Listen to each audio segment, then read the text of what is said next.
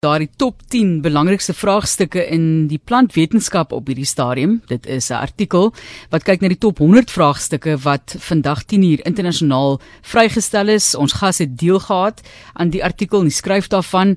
Dis Dr. Ida Wilson. Sy's 'n plantwetenskaplike en hoof van navorsing en ontwikkeling by Bio Revolution. Baie welkom dokter. Baie dankie Matlies. Kom ons gesels oor die behoefte in die eerste plek vir 'n lys van 100 vraagstukke oor die plantwetenskap. Maar ek ek dink wat gebeur het is, ehm um, navorsers moet moet weet wat is die prioriteite in die wêreld en waarna ons voor aan ons eerste moet aandag skenk. So eintlik in 2011 reeds het daar navorsers van die VK gedink maar kom ons maak 'n lys dat ons net kan kyk wat is die belangrikste goed dat ons sorg dat ons daaraan kan werk. Maar in 2011 rond het hulle net mense van die noordelike halfrond het hulle ingesluit, nie die noordelike halfrond, dis nie mense van die suide nie. En nou 10 jaar later, of amper so 10, 11 um, jaar later, het hulle besluit hulle moet hierdie vraagstukke um, weer gaan herondersoek en ook die publiek nooi en eintlik maar 'n hele globale um internasionale effort of van maak ek skiet vir die woord om om uit te vind wat is dit wat mense wil weet is belangrik en wat is dit wat uh wetenskaplik is op moet fokus in die in die volgende 10 tot 20 jaar. So. Ja. Nou dit is amper uh, 10 jaar later is eintlik 'n korterige tydperk in terme van evolusie nê en dinge wat gebeur maar was daar al reeds beduidende veranderinge wat jy um opgetel het?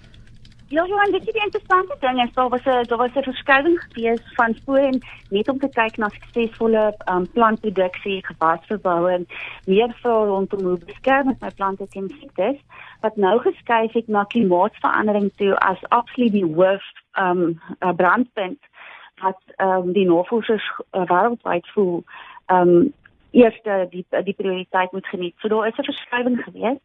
En baie ander ander interessante ding is dat die dat versteek is die behoeftes ook anders. In Afrika waar waar mense baie afhanklik is van die landbou, kyk ons baie meer na na gewasverbouing en sulke goeders terwyl in die noordelike halfrond hulle weer gefokus is op die op die diepte van plantwetenskap en eh, sê maar studie van ekologie of bewaring.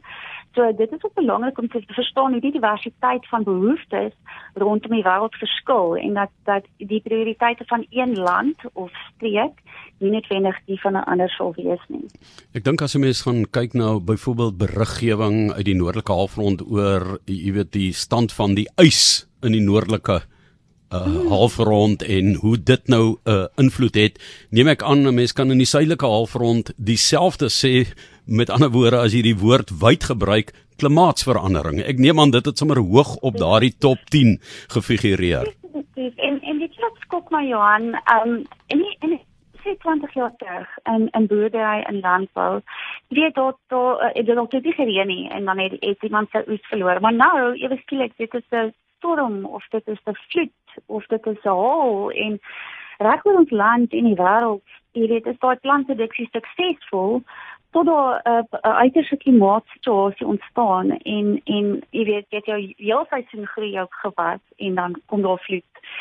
So uh, ek dink dit is daai um in terme van die klimaatsverandering ook, jy weet, dis baie skielik alles is nog reg tot op 'n punt en dan gebeur daar hierdie ekstreme event en en dit klik ons almal se voete onder ons uit. So dit beteken ook die manier waarop ons na mekaar kyk, die manier waarop ons saamwerk, die die plekke waar ons ons befondsing instoot.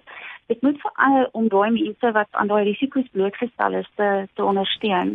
Nou, dit is nie aldag wat 'n mens oor 'n top 10 gesels nie. Gewoonlik het ons top 10 musiekprogramme, maar dit is eintlik ongelooflik dat 'n mens die 10 belangrikste vraagstukke in plantwetenskap op die oomblik kan groepeer.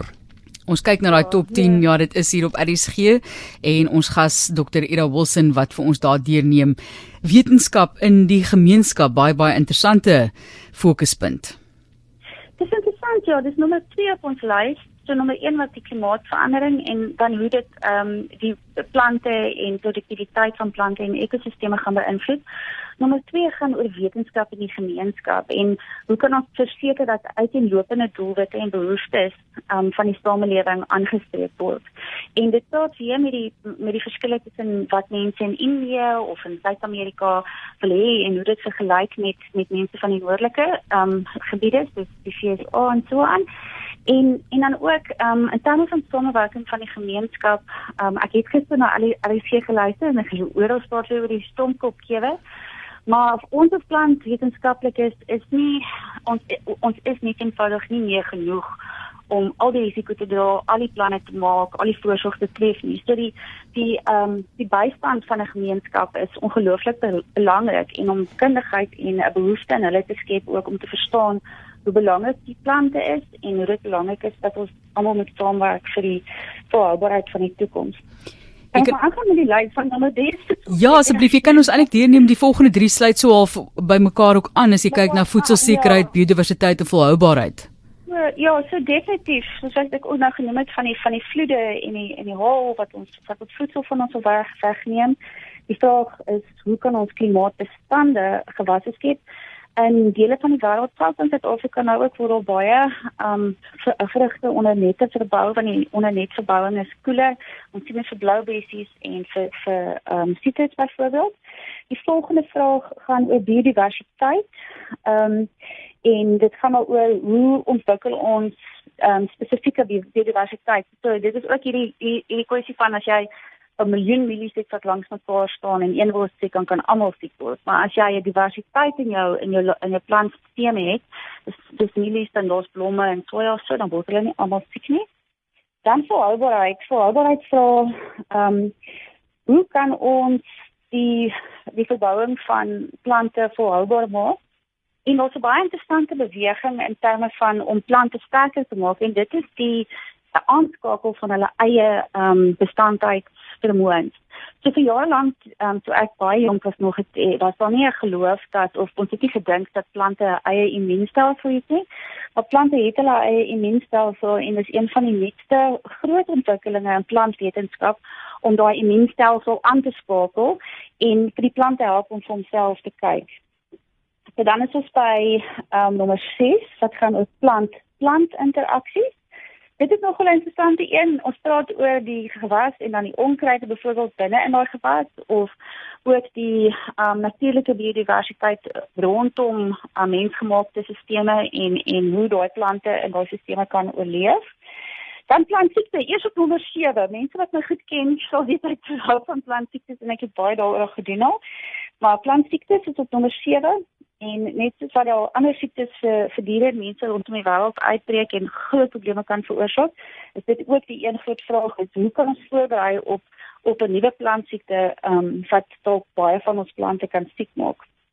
Kan ek sommer aangemaak lief is nog dit. Ja, ek dink um, ek ek dink as reg so ons sit met Dr. Wian mos gesels oor voedselsekerheid want hy het gesê dis ons groot uitdaging nê met die stompkop kewer daai tipe dinge wat oeste kan vernietig en dan sit ons met 'n baie groot probleem en die goed raak daaraan. Inderdaad, Ida, ons het net nog so 'n paar minute vir die laaste 3.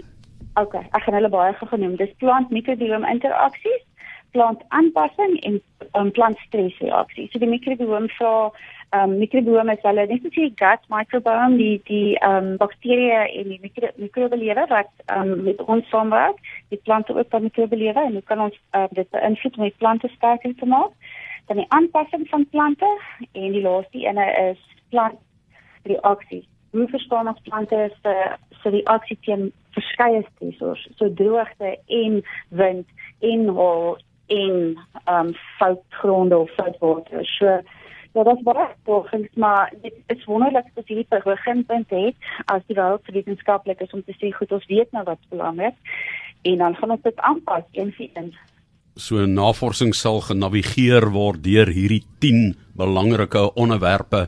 Ons sê baie baie dankie en baie geluk met um, ook die aandeel van Suid-Afrika aan ons in die suidelike halfrond met hierdie groot debat in die wêreld. Dis Dr. Ida Wilson wat oor die 10 belangrikste vraagstukke in plantwetenskap op die oomblik met ons gesels het in 360. Sterkte met die volgende 10 jaar, dan gesels ons weer.